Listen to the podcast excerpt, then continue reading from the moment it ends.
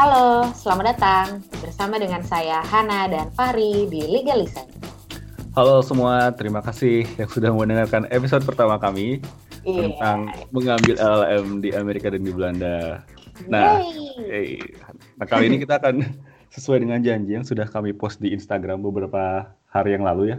Yes. Kita akan membahas blockchain sih. Sebenarnya itu tidak ada judul spesifik ya, cuman kita akan membahas blockchain secara general, secara umum. Mm-mm. Dan Mm-mm. sempat ini juga kan Han eh, nanya kalau aja ada pertanyaan eh, mengenai blockchain yang mungkin eh, yang teman-teman tanyakan gitu. Iya, iya. Eh, BTW, kemarin viewers kita berapa nih? Eh, bukan viewers, sorry, listeners kita. Listener, oh ya terima kasih juga loh sudah ada 150-an orang yang mendengarkan. Asli, serius. Waduh, terima kasih atas 150 orang iya, yang terima kasih. mendengarkan kita bercerita tentang diri kita sendiri. Sabar mendengarkan. Betul. Yang sekarang semoga kita lebih ke hukum-hukuman ya, seperti yang kita Iya, bilang. sesuai janji kita akan bicara lebih hukum hari ini. Ya, Nah, karena oke. blockchain ada sih beberapa yang yang tanya sih Han ke email. Hmm. Tapi sebenarnya Oh. memang secara umum juga sih. Mungkin karena mungkin isunya juga sangat apa ya? sangat baru dan masih in dibicarakan sama orang-orang. Jadi kayak Hmm. pertanyaannya lebih kayak yang ya apa sih sebenarnya blockchain mungkin di Indonesia sebenarnya bisa diimplementasikan atau tidak gitu. Mm-mm-mm. Um, sebenarnya itu kayak yang kita pengen bahas juga sih, maksudnya kayak gimana um, implikasi blockchain di Indonesia, terus kira-kira apa legal issue yang nanti bakal Indonesia hadapi nih kalau misalnya emang Indonesia mau ngembangin blockchain secara serius gitu. Benar, benar, benar. Nah, mungkin uh, dari lu bisa menjelaskan nggak apa sih sebenarnya blockchain itu? Hmm, Kebetulan ya, gue dulu pernah menulis tentang blockchain juga. asli. Ah, Di mana nih Pak? Di mana Pak? Boleh tahu Pak? alhamdulillah sih dipublish di Jakarta Post ya, cuma itu setahun yang lalu. Oke, Nah, jadi sih mantap. Gue paham satu dua hal gitu. Contohnya misalnya eh, dulu tuh blockchain katanya dulu dibuat oleh ini orang katanya orang namanya Satoshi Nakamoto ya. Jadi kita Hmm, nggak tahu kan betul. orang ini sebenarnya siapa. Dia kayak Iya, wah ini orang sangat misterius gitu. Kita nggak tahu. Kali sampai sekarang kita nggak tahu nih orang itu siapa. dia Tapi manusia kan- aja kita nggak yakin gitu. Iya bener kan. Tapi akhirnya dia Hmm. membuat si sistem ini ya. Tapi kenapa ya dia membuat sistem ini? Kalau lu tahu? Hmm. Eh, mungkin gue klarifikasi dikit ya. Jadi si Satoshi Nakamoto itu dia itu buatnya Bitcoin bukan bukan blockchain. Ah, jadi waktu oke. itu kan, ah, ah, jadi waktu itu kan lagi krisis financial US tuh yang tahun 2008 kan, yang ada subprime mortgage, yang mana eh, banyak apa ya em, kredit-kredit gagal lah sehingga ekonomi di Amerika bobrok dan itu memberikan efek kepada seluruh dunia gitu. Nah pada waktu itu si Satoshi Nakamoto, quote quote a person, itu dia kayak resah gitu kan terhadap uh, institusi keuangan perbankan yang dia nggak bisa percaya gitu kan. Makanya akhirnya Hmm. dia cipta, uh, ciptakanlah suatu mata uang baru namanya Bitcoin. Bedanya adalah kalau misalnya mata uang yang biasa uh, yang kita pakai sehari-hari itu sifatnya tuh um, namanya kalau disebutnya fiat gitu kan, fiat currency gitu. Jadi kayak mata uang yang didasarkan kepada rasa kepercayaan gitu terhadap pemerintah yang mengeluarkan uang itu gitu. Nah di, di si Satoshi ini dia mau bikin satu mata uang baru namanya Bitcoin yang pakai struktur eh, bukan pakai struktur, ya struktur lah kita nyebutnya, pakai eh, sistem blockchain blockchain atau itu kayak mm, decentralized system lah sebutnya. Nah Hmm. jadi yang mungkin patut dilihat tuh kayak eh, Bitcoin tuh mata uangnya, sedangkan blockchain itu infrastrukturnya. Jadi sebenarnya tidak tidak melulu Bitcoin yang menggunakan sorry tidak melulu Bitcoin menggunakan blockchain tapi bisa juga jenis mata uang uh, cryptocurrency yang lain misalnya Ethereum, Ethereum gitu misal kalau mungkin pernah dengar gitu. Iya, Nah. iya, iya. Ah, ah, itu sebenarnya esensi mengapa uh, blockchain waktu itu bisa terbit gitu pada waktu si tahun 2009 itu gitu. Walaupun sebenarnya gue baca juga sebenarnya dia terbit di awal tuh bukan 2009 bahkan sebelumnya gitu. Tapi dia emang terkenal karena si Satoshi itu membentuk uh, Bitcoin uh, menggunakan uh, apa blockchain sebagai infrastrukturnya gitu. Nah, Hmm. jadi yang yang gue pelajarin itu ada satu profesor namanya Profesor James Grimmelman. Dia itu Oke. dari uh, Cornell Law, Cornell Law School. Nah, dia bilang ada tiga kategori uh, penting atau tiga kategori sifat dari blockchain itu.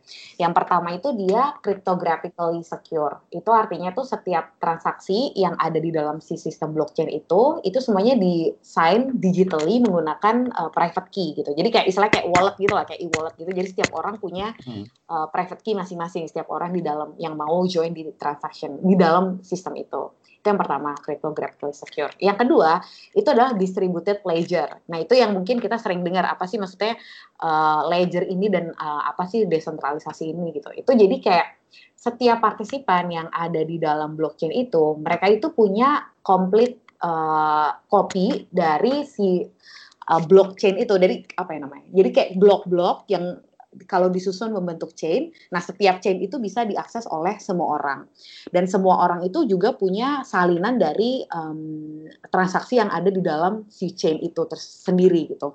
Jadi nggak ada kayak kalau yang mata uang biasa ada pemerintah Bank Indonesia gitu misalnya dia yang ngeluarin duit terus sistem pemrosesan uangnya juga dari dia settlementnya di dia nah ini enggak ini kayak semua orang bisa terlibat di dalam sistem itu yeah. itulah kenapa dia disebut dengan distributed ledger dan yang ketiga, um, unsur pentingnya adalah konsensus protokol.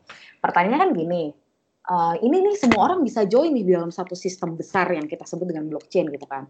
Nah, gimana caranya kita bisa memastikan uh, data kita yang maksudnya yang kita submit itu atau seseorang submit itu benar dan bisa berlaku gitu untuk semua orang. Nah, makanya diperlukan namanya konsensus protokol, di mana itu bekerja sebagai guidelines bagi um, setiap orang dalam melakukan uh, review terhadap suatu transaksi yang disubmit oleh seorang miner. Miner itu kayak orang yang apa ya menyelesaikan computational work di blockchain. Jadi um, dia menggunakan konsensus protokol itu untuk mereview dan mengkonfirm blok-blok yang baru diterbitkan untuk sebelum dia di, uh, dimasukin ke dalam chain itu sendiri gitu. Iya iya. Jadi prosesnya emang banyak dan panjang juga sebenarnya. Iya panjang juga. Hmm. Nah mungkin uh, apa namanya gue tambahin dikit kali ya. Jadi mm-hmm. di dalam si blockchain itu nanti kayak ada setiap partisipan uh, ini ya namanya miner lah, miner-miner yeah, itu. Yeah. Nah kan itu kalau kita nyebutnya bukan bukan miner penambang sejati yang kayak misalnya miner tapi ya sebenarnya kerjanya kayak nambang sih karena dia kayak miner-miner itu mereka pegang kayak komputer-komputer gitu namanya nodes N O N N O D E S. Nah, jadi nodes-nodes itu adalah dia kan di dalam si sistem blockchain itu kan. Nah, terus nanti misalnya ada satu miner nih, uh, gue nih misalnya, misalnya ada partisipan lah, orang lain lah, misalnya kayak, oh gue ada transaksi nih, partisipan ini ngelempar nih transaksi ini dalam sistem blockchain ini. Nah, terus di dalam sistem blockchain ini anggaplah ada seribu miner kan, ada seribu komputer gitu. Nah, mereka akan berlomba-lomba untuk menyelesaikan transaksi yang baru dilempar itu gitu. Nah, ketika mereka lagi ber apa berlomba-lomba itu mereka menggunakan perhitungan algoritma lah. Nanti mereka menyelesaikan algoritma, siapa yang bisa menyelesaikan, nanti dia akan uh, mem memvalidasi dan juga mereview si uh, transaksi yang diselesaikan itu untuk sebelum dimasukin ke dalam uh, chain-nya untuk menjadi valid blocks gitu. Untuk di bisa dimasukkan iya di blockchainnya itu kan. Betul. Dan dia setelah itu dia dapat uh, reward dan juga dapat transaksi fee dalam bentuk Bitcoin. Oh, oke. Okay. Jadi si miner ini juga mendapatkan Bitcoin ya atas hasil Benar. pekerjaannya dia. Betul. Nah, mungkin yang gue pernah baca juga adalah ada yang namanya private sama public blockchain ya nggak sih? Jadi oh, kayak iya, benar-benar. ada jaringan-jaringan yang memang hanya dimiliki si perusahaan mungkin ya atau institusi-institusi tertentu aja misalnya ada perusahaan A B C D E lima orang ini mereka bikin blockchain sendiri untuk transaksi-transaksi yang mereka lakukan gitu kan ya tapi mm, ada juga yang benar. public yang misalnya saya gue punya perusahaan nih terus yang ngikutin aja blockchainnya yang mana tapi di situ gue bisa melakukan transaksi-transaksinya gitu ya dan semua yeah. orang uh, semua miner juga bisa apa namanya uh, ikut transaksi di situ juga gitu yeah. kan kayak kalau misalnya di luar negeri tuh misalnya mereka sering nih misalnya kayak supply chain nah yang ah, iya, yang benar, benar. Nah, yang ngerjain tuh misalnya mereka punya private nih misalnya kayak cuma supply chain tertentu yang contribute ke apa ke blockchain itu gitu. Jadi lebih limited lah sebenarnya. Gitu. Iya iya iya iya. Benar-benar sih. Tapi sebenarnya yang blockchain yang paling apa ya karakteristiknya memang yang gua paham juga tadi yang lu bilang juga sih mereka tuh sangat aman gitu kan. Mereka dengan kata-katanya adalah desentralisasi gitu karena mm-hmm. semua orang bisa mengambil keputusan mm-hmm. sama Betul. ya tadi harus konsensus kalau misalnya ada transaksi ya semua orang harus bersetuju menyetujui terlebih dahulu makanya mereka tuh bisa naik gitu kan sistemnya Betul. Nah, itu juga yang waktu gue bikin tulisan gue dulu tuh adalah, jadi dulu tuh ada berita tahun lalu kalau misalnya hmm. si uh, Kemen Kominfo itu menolak cryptocurrency waktu itu. Tapi hmm. mereka bilang kami tidak menolak blockchain sebagai sistem gitu. Oh iya benar karena itu. emang um, Bitcoin itu dia emang rawan untuk jadi uh, apa namanya bahan spekulasi lah kan. Tapi yeah, sebenarnya yeah blockchainnya sih nggak masalah gitu. Menurut gue dia bisa menjadi sistem yang baik. Nah, Betul. inilah yang yang menurut gue ini kita bisa, uh, maksudnya blockchain ini sangat berprospek loh di Indonesia ini untuk jadi solusi Benar. dari masalah negara kita. Hmm. Karena dan maksudnya dari eh, sorry dan maksudnya dari Kominfo juga udah bilang seperti itu kan. Jadi sebenarnya hmm. mereka juga paham di pemerintah tuh paham si potensinya blockchain ini untuk dimanfaatkan di uh, paling tidak di uh, sektor pemerintahan gitu kan? Iya betul. Karena kalau misalnya yang gue hadapin nih misalnya kita nih uh, lawyer gitu kan, misalnya kita harus land hmm. search nih, misalnya gue minta tolong notaris land search gitu, itu bisa makan waktu seminggu gitu karena kayak misalnya gue ke kantor pertanahan di Ciputat gitu, nah dia harus ngecek tanahnya tuh gak bisa langsung gitu datanya kadang kayak misalnya dia, misalnya kita kan ya di Ciputat mungkin bisa aja ada tum, apa namanya um, menumpuk lah tanah yang satu dengan tanah orang lain gitu. Nah, data itu bisa ada di kantor pertanahan yang beda sehingga lama untuk lo bisa dapat data yang uh, synchronize one and another gitu. Nah, makanya dengan adanya blockchain menurut gue dia sangat bisa bantu record keeping problems di Indonesia. Banyak sih misalnya nggak nggak harus tanah ya misalnya ya tanah atau uh, apa pun lah yang sistem yang membutuhkan uh, koordinasi antara pemerintah pusat sama pemerintah daerah gitu. Iya, mungkin juga yang pernah gue lihat adalah di industri kesehatan sih, kayak misalnya mm. untuk klaim asuransi gitu kan. Mm-hmm. Jadi kan biasanya kalau asuransi tentu saja rumah sakit harus koordinasi dengan apa namanya perusahaan asuransi dan mungkin juga uh, untuk melihat data-data si pasien ini gitu kan benar punya asuransi di sini atau tidak, pernah mm. double claim atau gimana. Dan itu katanya itu bisa mempercepat proses dan mempercepat validasi gitu. Jadi uh, tidak ada birokrasi-birokrasi yang panjang itu bisa dipotong dengan mudah oleh blockchain. Mm. Nah, gue juga pernah melihat tuh kalau nggak salah, contoh nyata nih, kalau misalnya blockchain pernah diterapkan dengan sangat baik tuh di Estonia katanya. Hmm, iya iya iya ya, benar-benar. Ya, reputasinya mereka tuh dibilang the most advanced digital society in the world. Bahkan mm. sejak tahun 1990. Iya, iya, iya, iya. 99% public service gitu available to citizen as e-services through blockchain. Nah, jadi kayak yeah. mereka voting rights, uh, perbankan, kesehatan, pendidikan, semuanya tuh uh, berdasarkan blockchain. Mm-hmm. Dan dan tentu saja bukan berarti Indonesia tidak juga tidak bisa menerapkan itu dong, karena negara lain juga pernah berhasil menerapkan itu. Yeah. Dan itu satu contoh yang gue tahu kalau misalnya mereka berhasil menerapkan blockchain. Hmm. Nah, gue jadi inget tuh kayak si Estonia itu, dia bahkan ada namanya e-residency ya.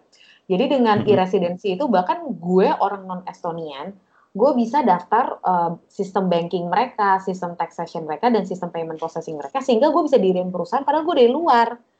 Oh gitu. Dan gue bahkan iya, bahkan gue bisa jadi kayak uh, apa namanya bisa jadi residennya untuk bangun uh, apa namanya ya company di situ gitu. Jadi kayak oh, okay. secara nggak langsung bahkan kita bisa jadi ini nih EU apa namanya EU apa uh, European iya Euro, ya, European Union uh, citizen yang bangun company di Eropa, cuy. Oh, iya, kan iya. Gila nggak lo? Iya. Gue pernah pernah lihat sih emang ada video gitu di di di YouTube sih, atau di Facebook. Cuman itu iya, video yeah, dari yeah. apa uh, kantor kantor kantor media benar gitu. Jadi kayak yeah, yeah, yeah. itu dia jadi tempat freelancer atau orang zaman sekarang bilangnya digital nomad paling populer gitu di Estonia. Iya, iya emang emang. Masuk akal karena mereka menggunakan si blockchain itu ya. Benar benar benar. Yeah, yeah, kayak yeah. mereka mereka tuh kayak kerjasama banyak organisasi sama organisasi-organisasi untuk mereka kasih uh, ada namanya um, apa ya I, I, EID gitu loh. Jadi kayak yeah, mereka yeah. bantu stateless person untuk bisa dapat uh, electronic ID gitu. Iya parah sih, keren banget sih mereka punya kayak gituan. Nah, menurut lo nih, kalau hmm. misalnya pernah diimplementasikan di negara lain, terus juga mungkin bisa diimplementasikan, pasti bisa diimplementasikan di Indonesia. Mm-hmm. Apa sih sebenarnya isu hukum yang terjadi nih kalau misalnya blockchain ini menguasai dunia gitu. Hmm, yang ya ya ya. ya. Hmm. Nah, uh, menurut gue yang pertama isu yang penting itu adalah uh, konsensus protokol uh, protokol konsensus yang tadi kita diskusiin gitu yang adalah kayak istilahnya guideline bagi para um, miners atau para participants yang uh, bagaimana cara mereka ngambil keputusan di dalam si blockchain itu kan hmm. jadi um, karena kan sebenarnya kalau kita bis, apa namanya kita kontribusi atau enggak kita pakai blockchain itu ada dua orang yang harus kita percaya gitu satu kita harus percaya sama code developer yaitu yang bikin sistem inilah yang kedua sama miner yang validate transaction kita gitu. Nah kalau misalnya kita bicara dari kacamata helikopter, pertanyaannya kita bisa percaya nggak sih sama dua dua orang ini gitu? Yeah. Instead of kita percaya sama government yang emang punya tujuan dikasih tujuan berdasarkan konstitusi untuk uh, mensejahterakan kita. Nah, benar. Kode, code developer sama miner siapa sih di belakangnya gitu? Sebenarnya itu kan kayak kalau lihat lagi big companies juga gitu kayak segala developer itulah gitu. Jadi kayak mm-hmm. kalau ngomongin ya bisa aja nggak ya terpercaya dan tidak terpercaya sih anyway gitu kan walaupun dia pakai ada decentralized. Nah, uh, dulu tuh ada kasus yang terkenal banget ya di dunia blockchain namanya itu uh, DAO attack. DAO itu kayak DAO mm-hmm. itu singkatan dari decentralized autonomous organization. Nah, jadi ceritanya pada waktu tahun 2016 itu ada um, Germany um, Germany startup lah gitu. Dia bikin venture capital, tapi uang yang kita masukin ke venture capital, misalnya kita jadi investor nih, uang yang kita masuk itu adalah Ether. Ether itu Ether adalah mata uang jenis Bitcoin ya. Betul, jenis Bitcoin yang menggunakan Ethereum uh, blockchain. Oke. Okay. Nah, anggaplah misalnya kita udah masukin duit sampai 70 uh, million dollars uh, worth of Ether gitu kan. Nah, terus ternyata ada hacker. Terhacklah uang 70 miliar itu terpindahlah ke satu rekening baru gitu kan. Kosong nih kan uangnya. Bingung lah ini investor gimana nih uang gue gitu kan. Nah hmm. terus gimana nih solusinya? Nah solusinya itu adalah kita harus mengambil keputusan kan mau kita apa ini. Solusinya ada dua nih. Yang pertama kita bisa lakuin namanya soft fork soft fork soft fork itu kayak um, fork itu istilahnya kayak um, cara penyelesaian sengketa lah di dalam si sistem blockchain ini.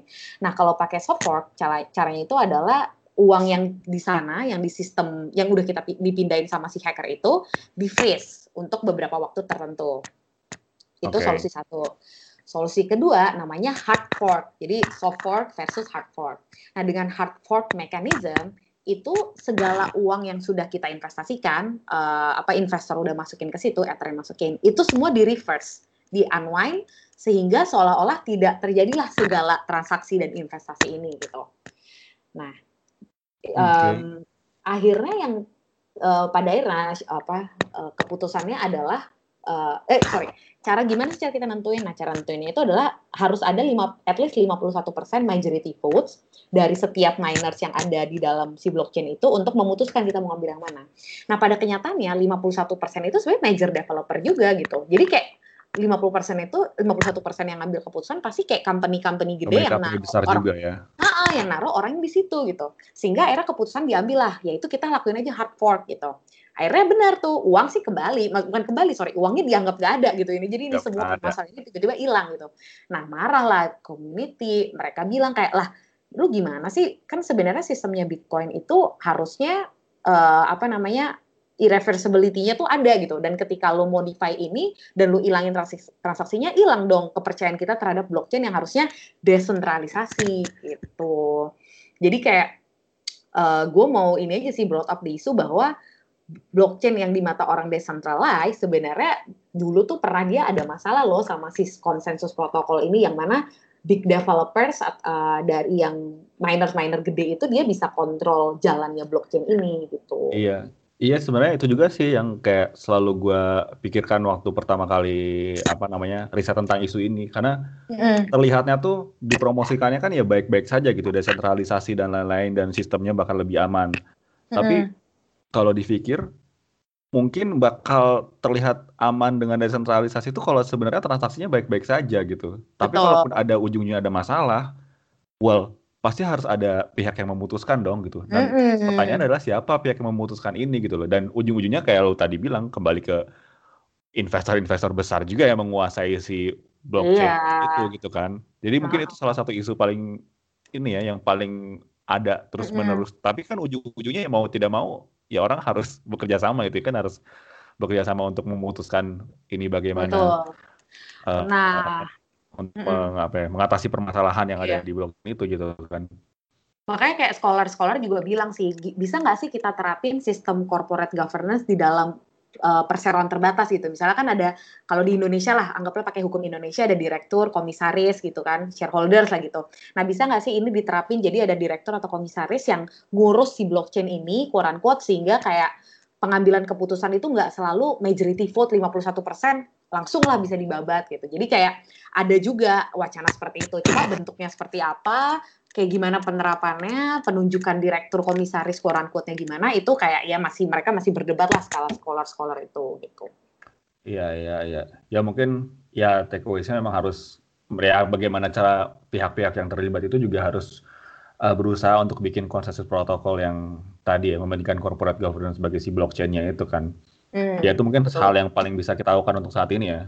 Iya, iya, iya, betul, betul. Terus uh, mungkin isu lain, isu hukum lain selain konsensus protokol, ada mm -hmm. permasalahan nggak sih dengan data gitu? Nah sekarang kan mm. soalnya ada di Eropa si apa the EU General Data Protection Regulation yang kalau nggak salah mm. baru akhir beberapa tahun terakhir ini kan dia diterapkan. Nah, mm -hmm. menurut pandangan lu itu ada permasalahan nggak sih dengan penggunaan blockchain sama uh, aplikasinya GDPR ini di di dunia saat ini gitu? Hmm. Nah, uh, sebenarnya kan pertanyaannya isunya kita kalau GDPR itu kan selalu ngomongin data pribadi kan. Jadi intinya GDPR peraturan tentang data pribadi akan selalu uh, berlaku kepada penggunaan data pribadi. Nah, kalau ngomongin blockchain, data apa sih yang kita omongin? Nah, ini kita akan ngomongin tentang data uh, tadi yang ada di dalam uh, private key itu, private, private key tempat di mana kita naruh transaksi kita gitu kan. Sama data-data nilai-nilai transaksi kita lah gitu kan. Nah, Um, terus sebenarnya di, uh, di another story sebenarnya di GDPR itu dibilang gini nih, ada dua konsep uh, penghilangan data lah istilahnya. Yang pertama namanya okay. anom uh, uh, yang pertama namanya anonymization dan yang kedua itu adalah pseudonymization. Mm-hmm. Nah, kalau di anonymization itu datanya itu um, semua detail-detail dari data itu dihapus sehingga nanti kita nggak bisa nih relate data itu sebenarnya bisa ke identify ke gitu ya? itu yang anonymization itu yang ekstrim lah. Nah ada lagi sistem kedua namanya pseudonymization. Nah itu modelnya kayak gue tarik datanya, gue sembunyiin, tapi tetap ketika gue ngelingin itu sama additional info, gue bisa tahu ini siapa gitu. Nah, iya, iya. jadi kalau model Mungkin contohnya kayak yang pernah kita bicarakan juga ya. Jadi kayak yang waktu itu kita pernah bilang yang anonymization yang misalnya di satu tabel ada beberapa data, ada nama, alamat, jabatan dalam perusahaan terus gaji gitu kan.